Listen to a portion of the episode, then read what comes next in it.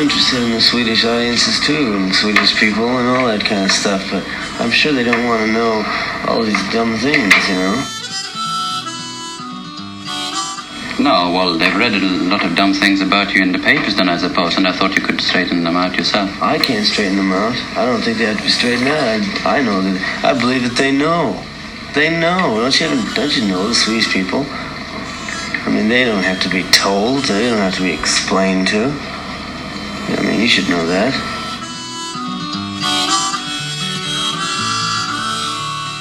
So how do you manage to get your trousers this wrinkled? I mean, do you really make them that My way? trousers? No, these are just. I just had them pressed last night. I don't understand.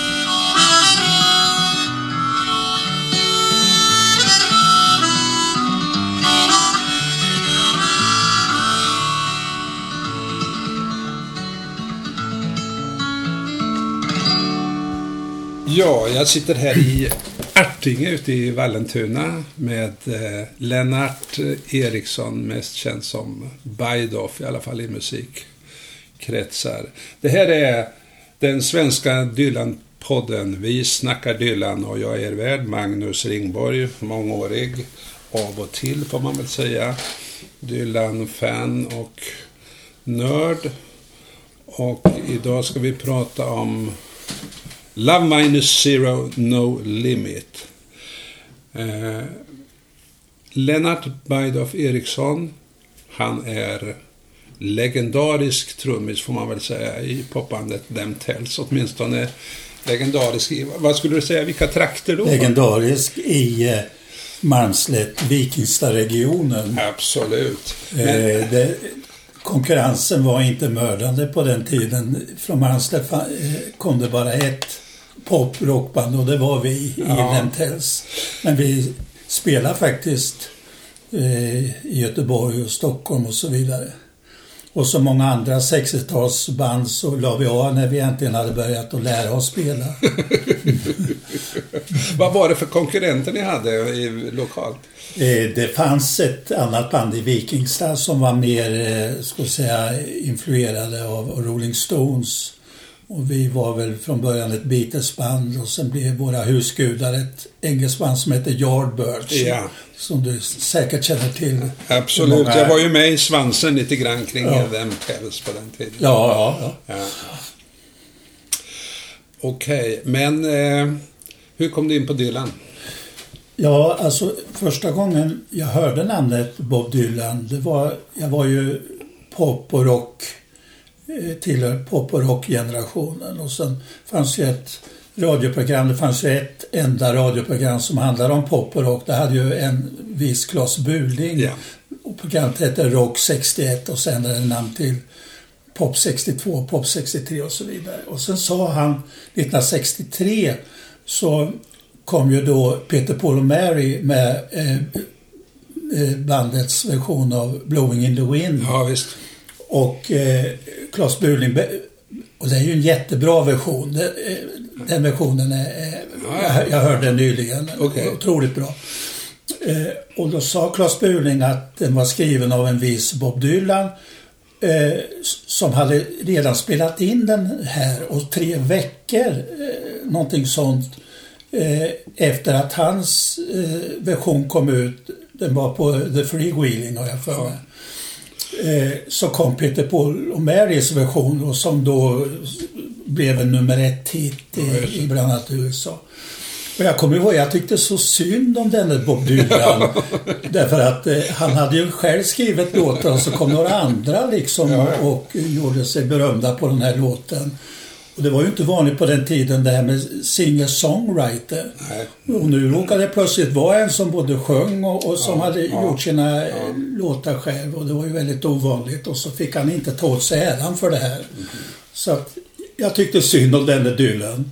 Och på den tiden var det ju också så att eh, grupper och låtar kom och gick. Man hade de var ju inte var ju inte någon beständig berömdhet för de här som Nej, nej, one hit wonder hette Ja, det. man levde i Ja. nuet och Ja. alltså, det är ju helt otroligt. Man sitter och pratar om de här då nu år 2020.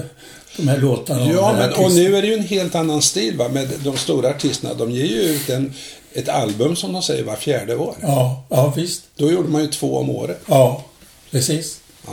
Så att eh, det, det var min, mitt första möte med eh, Bob Dylan. Och ofta har det varit så, eller i, i mitt liv, att eh, Dylan kom in via några andra som spelade hans låtar. Och det var ju då eh, Hey Mr Tambourine Man med Birds Ja, visst. gjorde ju, som kom Ja, ja. 65. Ja. Och den tyckte man också var jättebra så intresserade man sig då för Dylans andra låtar. Men jag, jag läste ju Melody Maker på den tiden. Det fanns ju New Musical Expre- Express och den tror jag du läste. Och den tyckte jag var för poppig. Eh, Melody Maker Ja. var lite mera tung så här, det var mera jazz och sånt Ja, också, ja. Men också mycket pop det var. Ja. Och då minns jag en intervju med Bob Dylan, nej med John Lennon, Mm. där han pratade hur mycket som helst om Dylan. Så Ja. det var så jag fattade namnet alltså. Alltså, eh, man kan ju säga då Beatles som jag följde närmare än Bob Dylan där i början. Mm. Eh, I deras LP Help, där ser man att John Lennon var väldigt influerad av Dylan. Alltså You got to hide your love away, It's only love och framförallt Help naturligtvis som var mer eh, avslöja, alltså som tog upp deras egna liv och Ja, problem ja. och, och frustrationer. Ja, och, det, och det var ju influenser från Dylan. Man kunde liksom skriva meningsfulla texter som inte bara handlade om, om kärlek och Mm. så.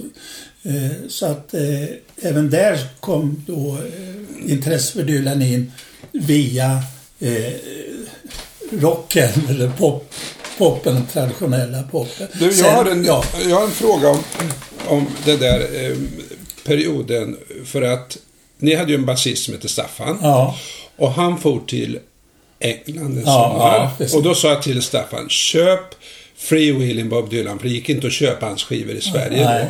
Och så jag tänkte, kan det inte ha varit 63? Var det 64 eller? Ja, jag tror det var 65, alltså bakgrunden till det här det var ju att eh, vi, redaktören också, eh, vi, vi eh, befann oss på lördagskvällarna i Linköping som vi bodde bägge två strax Ja, utanför ja. Linköping. Och, och den sista bussen eh, hade, till Manslet hade gått, jag missade den men en kvart senare gick bussen till Ljungsbro som du skulle åka Ja, på och jag ja. stod där och visste inte vart jag, vart jag skulle ta vägen. Eh, Och så dök du upp och sa ja, du kan ju slagga över hos mig, sa du. Och så då åkte jag med. Sen på morgon så visade du mig de här eh, skivorna. Jag kommer inte ihåg, jag tror det var Bring It All Back Home du hade. Alltså det här var 1965 tror jag. Ja, ja. Men det, var, det här var innan, det var sommaren innan vet du. För att eh, Ja. det var Freewheelen den första jag Ja, köpte. okej. Och den gick inte att få tag i i Sverige, Nej. i alla fall inte i Linköping. Nej. Så att Staffan hade köpt den åt mig i, Ja. i England. Ja. Alltså. Ja, det visste jag faktiskt inte om. Men alltså, det här visar också att eh, eh, om det, i, i min miljö som bestod av folk som var rockintresserade, spelade Dylan ingen större roll Nej, eh, vid den här tiden. Och det var ju innan alla de här andra som Birch och Manfred Mann och alla de här rockbanden började spela Mm. Ja, just det. Bob Dylans låtar. Ja. Och naturligtvis innan Dylan själv blev, eh, från att ha varit protestsångare, ett, ett uttryck han naturligtvis avskydde i den här tiden, eh, blev en rocksångare och så, i och med Bring It All Back Home då, där han hade några låtar som var upptempo rocklåtar. Du, eh, Dylan, har du hört honom någon gång? Ja, alltså första gången jag hörde honom live det var faktiskt i eh, 1978 på Scandinavium. Jag tror han hade gett ut en skiva som heter Street Legal. Va? Ja. Och eh, i samband med det hade han någon, gjorde han någon turné. Sen såg jag honom flera gånger. Han var ju, jag tror varje år i Stockholm då på 90-talet och Ja. 2000-talet. Ja. Och då såg jag honom flera gånger Ja. i Stockholm. Vilken, vilken konsert. För han, han är ju ojämn i Ja, konserter. mycket ojämn. Och, jag har inget, och sen såg jag honom då senast i, den här, i samband med Nobelpriset. Ja. Ja. Den här Water eh, Front. Waterfront, ja. 2016. Ja, ja. och det var ju redaktören också. där. Ja, ja, ja, ja. ja det var ju en fantastisk... Där var han jättebra. Koncentrerad och fokuserad, vilket han inte var någon gång. Eh, eh, 78 tyckte jag ändå han var det, men inte eh, under 90-talet eller 2000-talet. Han ägnade ett förstrött intresse åt, åt eh, publiken och som vanligt då vid den här tiden förstår man inte vilken låt det var förrän långt in Nej. i, i låten. Nej. Det tar ju ett tag.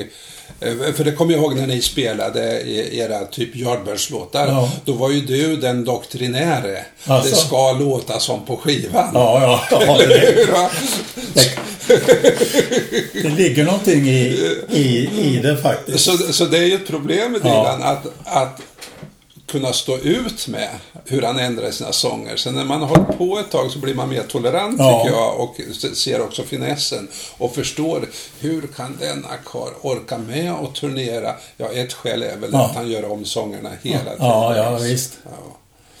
Men samtidigt borde han ju förstå att folk har kommit för att höra de gamla låtarna. Men det kan ju vara så här på en konsert att, att han börjar med någonting va? och så är det liksom tyst och sen efter ett tag en bra bit in på låten så börjar folk jubla. Då fattar de vad det är för någonting. Oh! Ja, ja så, så, på tal om det här med förhållandet mellan vårt band och Dylan så var det ju också så att vi hörde den här Turtles version It Ain't Me Babe Ja. som var en stor hit Ja. med ett amerikanskt band som hette Turtles. Och då spelade vi den, då körde vi den Ja. Dylan-låten. Och det måste ha varit också 65. Ja. ja, det är en fantastisk låt också faktiskt. Ja, Okej, men ska vi gå in på, på Love Minus Zero No Limit? ja. Varför valde du den? Ja, alltså eh, ett, av ett pinsamt skäl. Därför att eh, 65 då när den låten kom ut på Bring It All Back Home Ja. Eh, så gjorde jag en svensk text. Och det är den, när jag läser den, alltså Ja. som tonåring. Ja. Och eh, det är ju den värsta pekoral som det, eh, någonsin har produ- producerats, åtminstone i Malmslätt. Förskräcklig. Eh, men eh, det, det har gjort att låten är ju väldigt bra, alltså melodiskt bra och så. Texten förstod jag ju inte mycket av. Jag tog fasta på vissa rader. Alltså min text var väldigt fri i förhållande till Okej, ursprungstexten. ja, och, det och låter bra. Och det var ju att eh, tolkningsmöjligheterna är ju oändliga i den här texten, alltså i, i, i Dylans... Minns du det att man hade... det- Texterna fanns väldigt eh, tryckta. Nej, nej. Och ehm, ofta var det lite svårt att fatta vad det var han sa. Ja, jag satt ju för att vi, vi hade ju eh, ambitioner att spela en massa olika eh, Dylan-låtar i, i, i, i, i vårt band. Och jag fick ju alltid uppgiften att försöka skriva ner texterna. Ja, ja. Och då hade jag en sån här rullbandspelare. Ja. Och jag körde tillbaka gång på vad säger karln? Och- jag kommer ihåg, jag satt med Desolation Row som är 45 eh, vers eller någonting. Och det tog ju ett par dagar att liksom eh, ta reda på. Sen blev det ju inget av att vi körde låten vad jag kommer ihåg. Eh, Men eh, jag fick ju, jag tror också att, att det var jag som skrev ner den här ursprungstexten från början utan att förstå riktigt vad Ja, den handlar om. Och det är jag- frågan vad, vad om Dylan själv la ner så mycket möda på att ha någon story här va. Nej, det kan vi återkomma Ja, till. ja. Men eh, jag skulle vilja höra några rader från din översättning. Ja, alltså, det finns... Jag tänkte, varför har jag den här inriktningen på låten? Finns det någonting i, i ursprungstexten som, som associerar till det här? Det finns, han, han talar om att in the dime stores and bus stations people talk of situations, read books, repeat quotations och så vidare. Och draw conclusions on, On the wall. Jag, jag tror att Dylan där egentligen menar on the war. Eh, Att han tyckte sen det blev lite fel och då blev det on the wall. Jag tror inte man ser i, i litteraturen att han gjorde någon biblisk anspelning där eller någonting sånt. Ah, ja, mene, mene, teke, lufarse. Ja, precis. Ja, precis. Ja, exakt. Men, jag tror han menar on the war och att det hade med Vietnamkriget att göra. Men, men, Men det, men det kunde Och- vara så här, Biden, Ja. att ehm, draw conclusions on the wall. Alltså folk snackar så mycket Ja. och så skriver de protester på Ja, ja. väggarna men de gör ingenting mer. Alltså det är en slags eh, pseudoradikalism Det det, ju- där med eh, liksom bara paroller men det blir inte mer. Det är, det är lite åt det hållet som jag eh, Okej. i, i, i min pekoral. Va? så att, så Men jag, då är en vers så det. här. Två äldre herrar träffas. Det var 20 år sedan sist. De brukar gamla nötta fraser, det är det där då, Ja. repeat quotations. Ja, ja. Eh, om vädret och om tider för funderingar om Vietnam. Medan häggen står i blom diskuteras svensktoppslistan om rättvisan i juryns dom. Alltså att de pratar bara massa Ja, oväsentligheter fastän liksom världen brinner. Va? Så att, eh, men för övrigt finns ju ingenting och, eh, möjligtvis i sista versen lite grann där verkligheten tränger sig på i Men- form av en korp. Ja, men, men om, vi, om vi stannar upp vid din översättning här så är ju det här va, in the time stores and bus stations och så vidare, draw conclusions on the wall. Ja, Some speak of the future.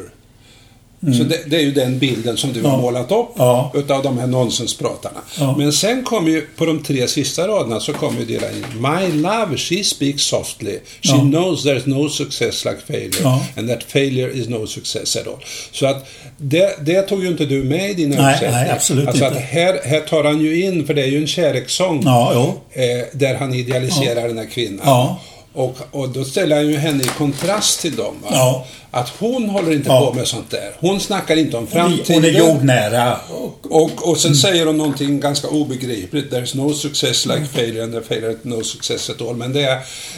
Det, det, det, man får ju ett mystiskt intryck utav den här kvinnan på något sätt. jag tror också där att eh, tolkningen, här, här spånar jag ju naturligtvis, Ja. att hon menar att eh, there's no success like failure. Jag tror Dylan själv också menar det att för att bli liksom en, hålla på och vara en, en, en, en, en författare, en, en berömd författare, eller bli en berömd författare, Ja. så måste du lida. Du måste leva i den här Greenwich Village-kulturen och leva fattigt. Och, men det ger inte upphov till någon lycka. Alltså det finns ingen motsättning där utan han säger, hon förstår att man måste leva ett icke-familjeliv för att vara en bra, bli en, fortsätta att, att, att skapa, vara en skapande eh, konstnär.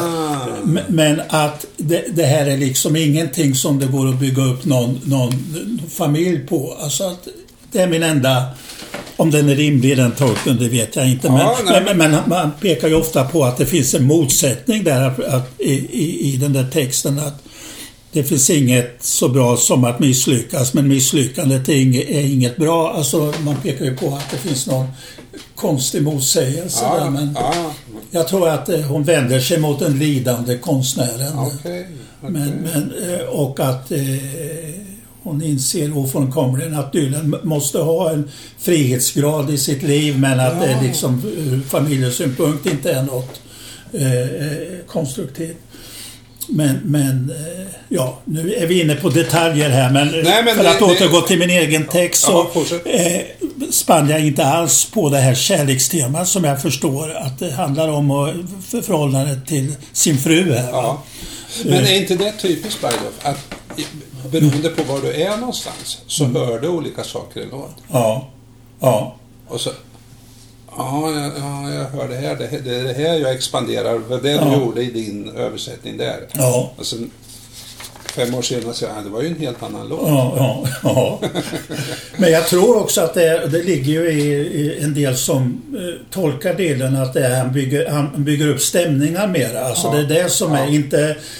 Budskapet lämnar han ju ganska tidigt, att Ja. presentera ett budskap. Eh, och att det sen blev att bygga upp stämningar som fungerar ihop med musiken. Mm. Och att man kanske inte...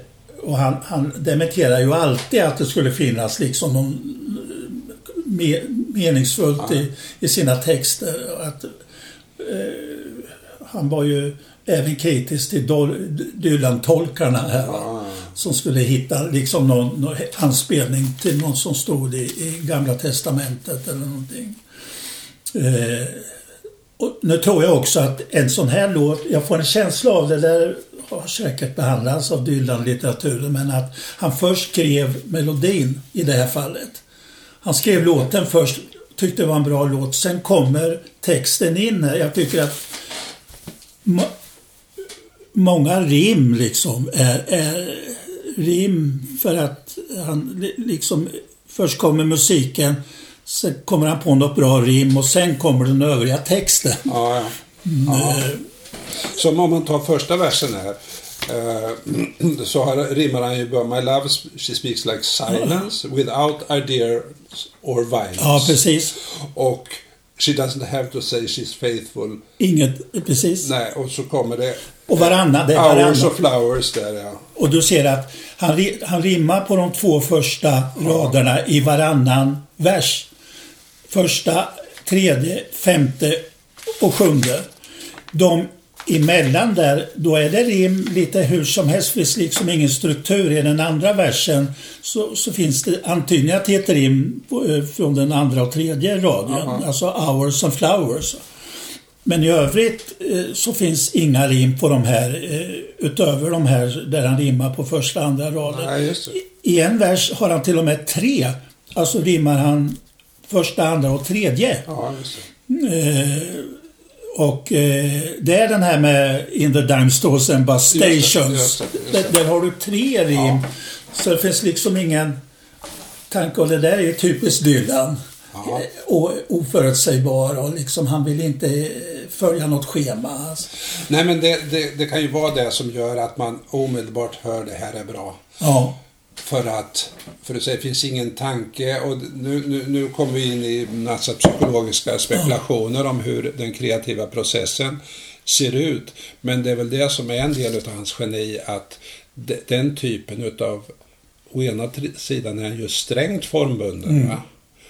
Han rimmar. Mm. Och så rimmar han annorlunda, så släpper han formen. Men Ja. det, är, alltså, det är någonting i detta. Alltså. Ja, ja. Jo, absolut. Men eh, eh, jag tror samtidigt att han är väldigt styrd av eh, musiken här. Alltså till skillnad från under sin första tid där, där man näst, snarare får intrycket av att han skriver texten först. Och sen hittar han på en bra melodi till det.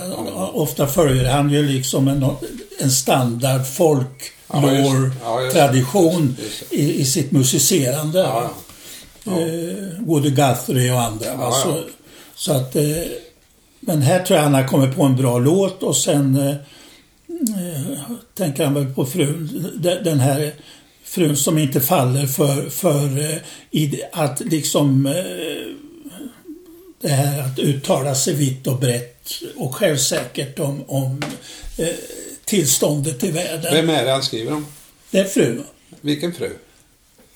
Ja, han hade väl bara en fru vid den här tiden? Ah, Sarah Lones alltså. Ja, Ja, han hade ju gift sig i hemlighet, eller var på gång när han skrev den här förmodligen. ja, ja. Ja.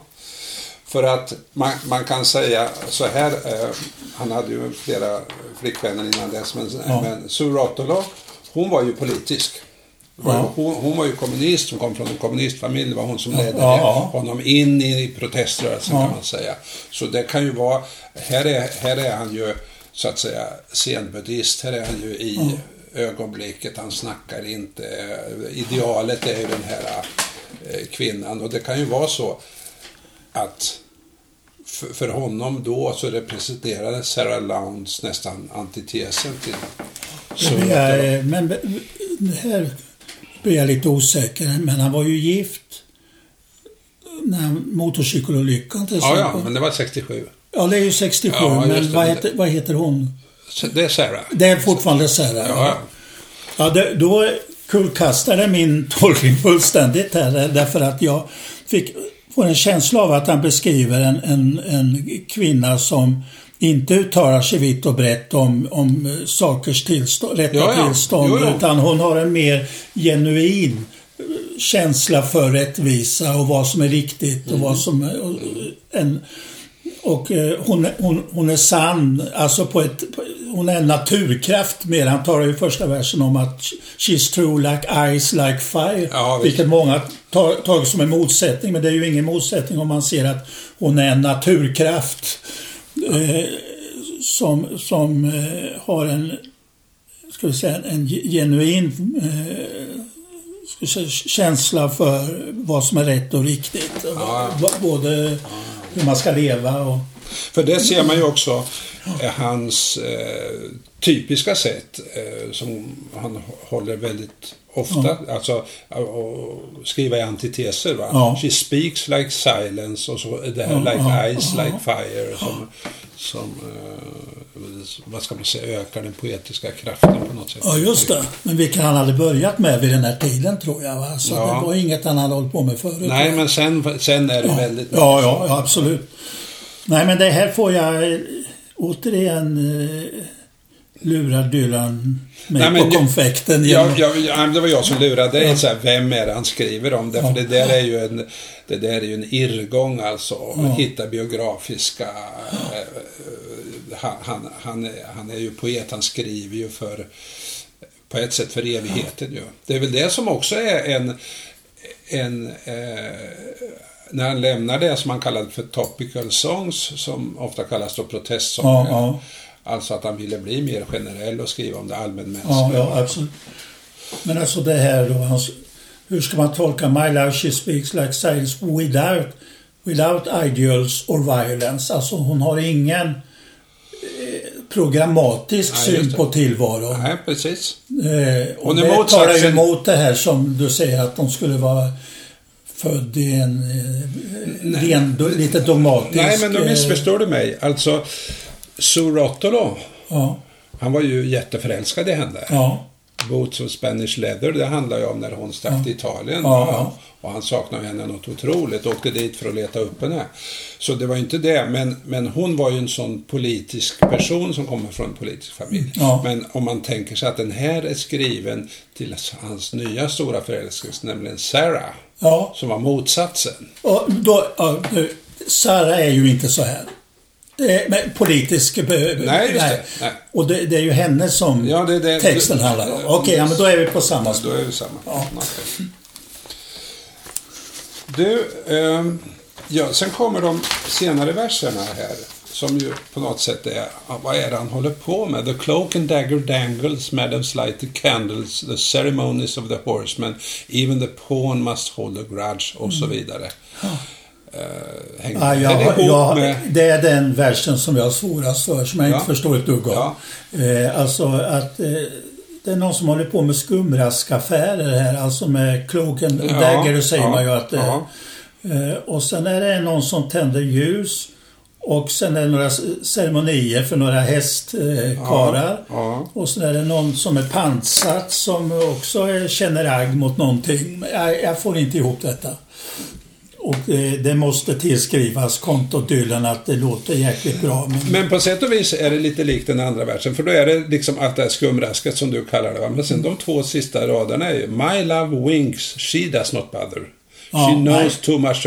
Så att man kan tänka sig, han är ju då i, i eh, New York, han är en kändis, han umgås Ja. med alla dessa Ja. människor som drar med hon- honom och försöker lura honom. Alan Grossman som trixar med hans eh, kontrakt och allting sånt där. Va? Och, och, eh, och så ser han denna gudinna, hon bryr sig inte. Hon står utanför allt. ja, ja. Eh, precis, men... Eh, ja, Madams lighter candles. Ja, jag har lite svårt bara att se, alltså det här... Ja. Näst sista versen, då blir det ju mer då att han tar avstånd från de här bankirernas Ja. nieser som söker ja. liksom eh, eh, livets goda i form av, av presenter och eh, lyx kan man säga då. Va? Som, eh, Här har jag en teori faktiskt som Ja. också är lite sådär eh, biografisk, eh, leta, vem är det och så vidare. Det skulle kunna vara Edie Sedgwick, vet du vem det är va? ja, Edie Sedgwick, hon var alltså en sån här it-girl som Andy Warhol ja, eh, lyfte fram Ja. och som sen gick under i drogmissbruk. ja, Men hon kom från en jätterik familj och hon var väldigt förälskad i Dylan och hängde efter honom. Och han försökte liksom att bli av med henne sådär. Så att... Eh, och du vet, så kom ju Like a Rolling Stone med, eh, som också är lite grann den där lyxtjejen som hänger med i fina Ja. livet. Hon som åker motorcykel med diplomaten med en katt på axeln och så vidare. Så, så jag tänker det är den typen av kvinna. Och igen så är den här älskade då som man skriver om, det, hon är inte sån. Nej, nej. Nej, men det är en rimlig förklaring. Eh, sen finns ju i texten, ska vi säga, det här hotet som hela tiden, ett mörkt moln som finns.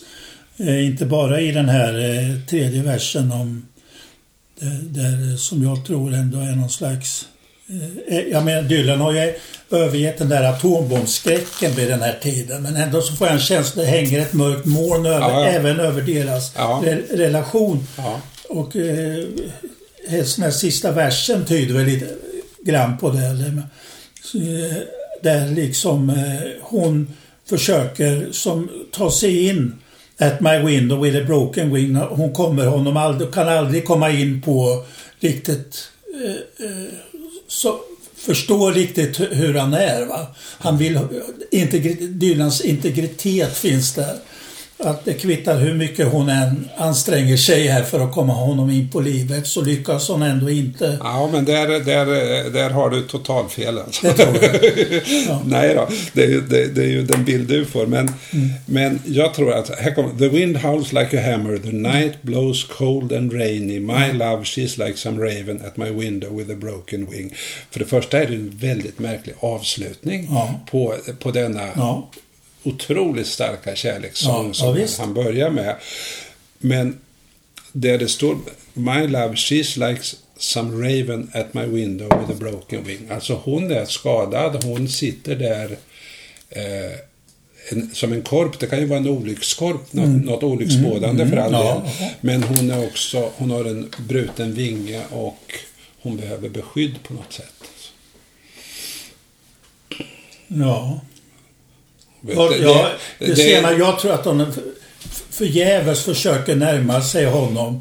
Och han slår mot, hon ser ju honom Mm. genom fönsterrutan men hon når inte riktigt fram till eh, honom ändå. Så att jag tror han vill tala om att han, även om han gillar henne och hennes egenskaper som är så skilda från sin förra fru Ja, ja.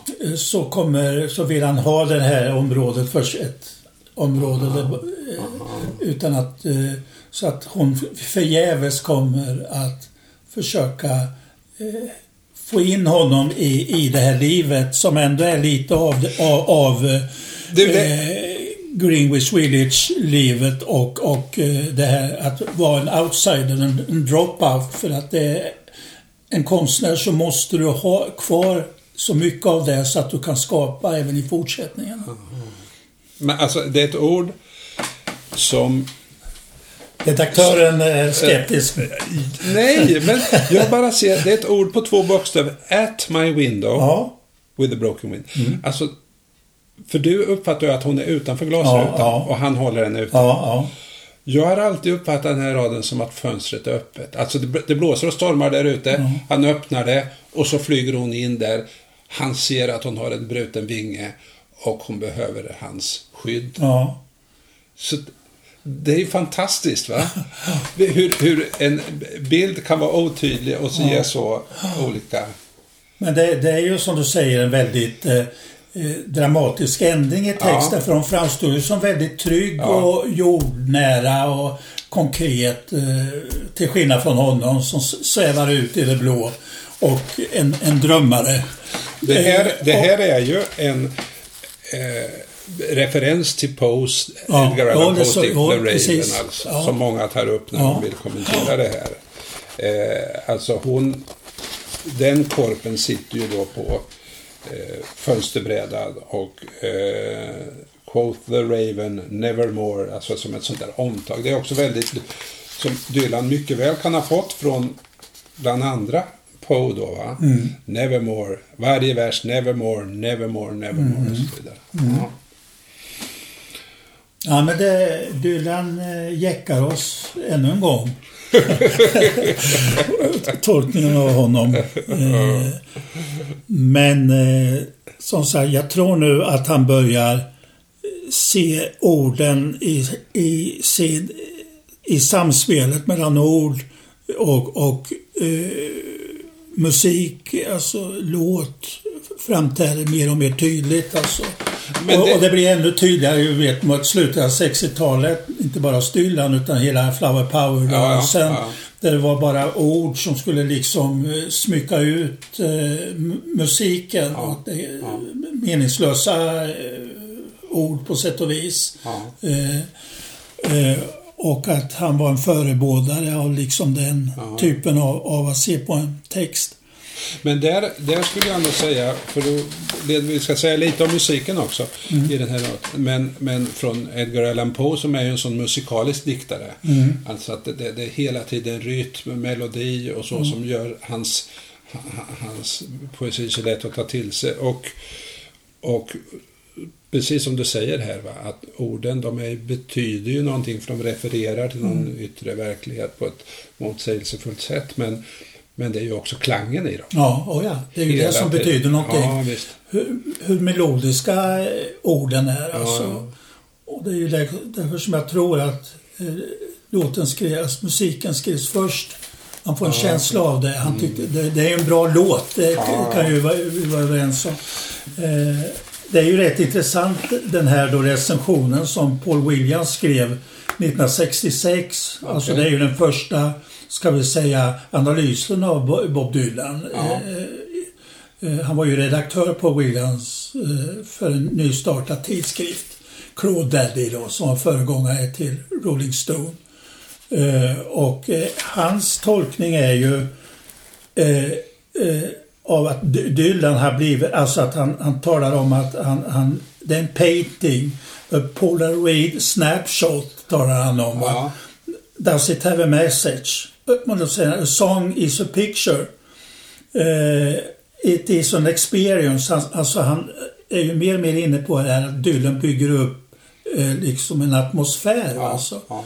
En, uh, och han stryker under and you feel it without knowing what, what it is. Han stryker under det. Och det sägs ju att vid den här tiden i USA så fanns det många intellektuella som var inne på det här vid tolkning av litteratur. Han nämner Sossen Sontag nämns ja, ja. som en sån. Ja, som var inne på samma spår vid tolkning. Interpretation skrev han ju den berömda ja, ja, precis. Mm. Men ja, för, för, för, den stämning som jag får, just skiftet från de första mm. verserna, så att säga. Ovillkorlig kärlek och så det kritik lite där med bus stations och så mm. kommer de här Cloak and Dagger och så vidare och, och det stormar och har sig. De sista två verserna, då får jag känslan väldigt mycket som eh, All along the Watchtower. Ja. Jag tänkte på den när jag Du gjorde det också? Läste. Ja, det, ja. det är någonting mm. med liksom Gothic Novel. Det är mörkt och ja. det blåser och det är ja. du vet, lite medeltida bilder och sådana saker. Men ingen vet vad All along the Watchtower handlar om egentligen.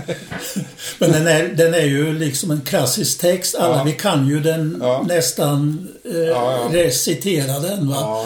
Eh, och eh, eh, det är ju samma med den här. Vi kan den nästan, vi kan sjunga med. Om någon sätter igång och sjunger den här så hakar vi på. Eh, Bergdorf, det är dags att runda av detta. Ja. Tack ska du ha. Vi eh, skulle kunna snacka en timme till om det här men eh, det var väldigt roligt att fördjupa sig och vi hade lite olika åsikter på några punkter. Ja, det var en missuppfattning först det här med fruarna som jag... Ja, men eh, mm. jag backade på det att, att man, jag tror det är fel alltså att säga att det, var, det ska vara det och det ska vara det. Ja. Han ställer ju någonting mot varandra. Ja. Att det här är Sara som beskrivs.